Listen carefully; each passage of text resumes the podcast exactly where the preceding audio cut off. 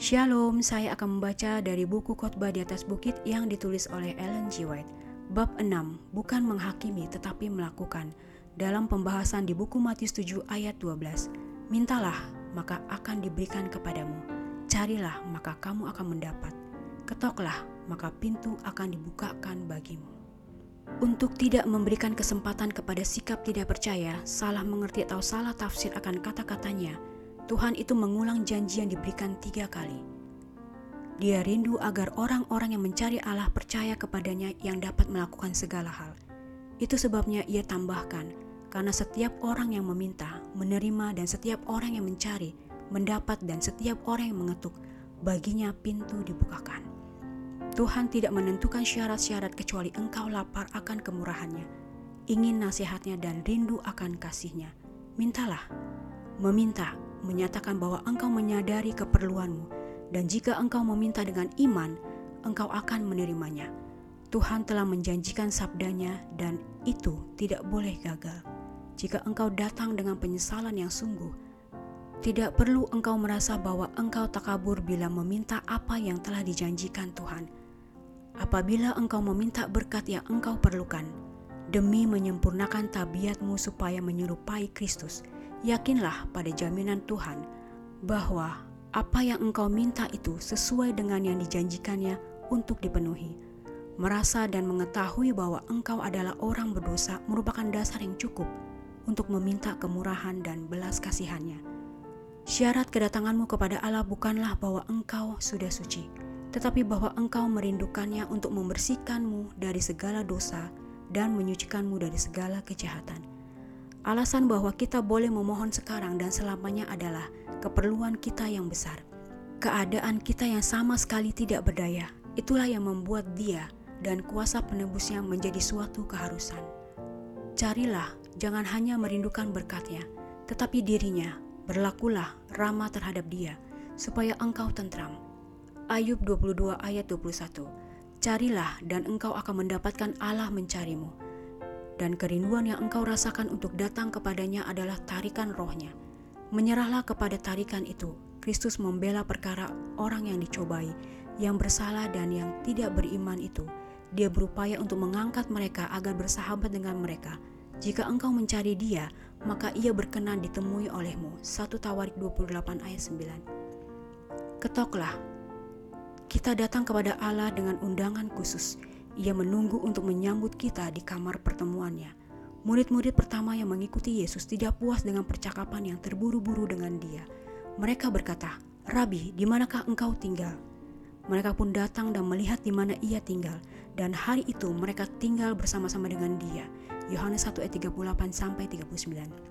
Jadi kita bisa diizinkan bersahabat karib dan bergaul dengan Allah. Orang-orang yang duduk dalam lingkungan yang maha tinggi akan bermalam dalam naungan yang maha kuasa. Mazmur 91 ayat 1 Biarlah orang-orang yang merindukan berkat Allah mengetuk dan menunggu di pintu kemurahan hati dengan jaminan yang kukuh. Seraya mengatakan, Karena engkau, oh Tuhan, telah mengatakan, setiap orang yang meminta, menerima dan setiap orang yang mencari, mendapat dan setiap orang yang mengetuk baginya pintu dibukakan. Yesus memandang orang-orang yang berkumpul untuk mendengar kata-katanya dan dengan sungguh-sungguh menginginkan agar kumpulan besar orang banyak itu dapat menghargai kemurahan hati dan kebaikan Allah yang penuh kasih itu. Sebagai suatu ilustrasi dari keperluan mereka dan dari keinginan Allah untuk memberi, dia tunjukkan di hadapan mereka seorang anak yang lapar meminta roti dari bapaknya secara jasmani Adakah seorang daripadamu, katanya, yang memberi batu kepada anaknya jika ia meminta roti? Dia memohon kasih sayang yang lemah lembut dan alamiah dari seorang bapa terhadap anaknya, lalu mengatakan, "Jika kamu yang jahat tahu memberi pemberian yang baik kepada anak-anakmu, apalagi Bapamu yang di surga, ia akan memberikan yang baik kepada mereka yang meminta kepadanya." Tidak ada manusia dengan hati seorang bapa akan meninggalkan anaknya yang lapar dan meminta roti. Apakah mereka pikir dia sanggup mempermainkan anak-anaknya, menggiurkannya dengan menimbulkan pengharapannya hanya untuk mengecewakannya? Apakah dia berjanji untuk memberikan kepadanya makanan yang baik dan bergizi, lalu memberikan batu kepadanya? Dan haruskah seseorang menghina Allah dengan membayangkan bahwa dia tidak akan menjawab permohonan anak-anaknya? Jadi, jika kamu manusia dan jahat, tahu memberi pemberian yang baik kepada anak-anakmu, apalagi Bapamu yang di surga, ia akan memberikan roh kudus kepada mereka yang meminta kepadanya. Lukas 11 ayat 13 Roh Kudus, wakilnya adalah orang yang terbesar dari segala pemberian. Semua hal-hal yang baik terdiri di dalamnya. Pencipta itu sendiri tidak dapat memberikan apa-apa yang lebih besar dan lebih baik kepada kita apabila kita memohon kepada Tuhan untuk mengasihi kita di dalam kesedihan kita dan untuk membimbing kita oleh roh kudusnya. Dia tidak akan pernah menolak doa kita. Mungkin orang tua tega meninggalkan anaknya yang lapar, tetapi Allah tidak pernah tega menolak seruan orang miskin dan hati yang rindu. Dengan kelemah lembutan yang luar biasa, apa yang dia telah melukiskan kasihnya kepada orang-orang yang di dalam hari-hari kegelapan merasa bahwa Allah tidak menghiraukan mereka dan inilah pekabaran dari hati Bapa. Sion berkata, Tuhan telah meninggalkan aku dan Tuhanku telah melupakan aku. Dapatkah seorang perempuan melupakan bayinya sehingga ia tidak menyayangi anak dari kandungannya? Sekalipun dia melupakannya, aku tidak akan melupakan engkau. Lihat, aku telah melukiskan engkau di telapak tanganku. Yesaya 49 ayat 14 sampai 16.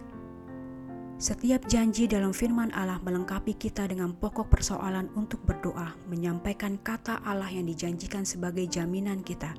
Berkat rohani apa saja kita perlukan adalah hak kita untuk memintanya melalui Yesus. Dengan kesederhanaan seorang anak, kita dapat mengatakan kepada Tuhan apa sebenarnya yang kita perlukan.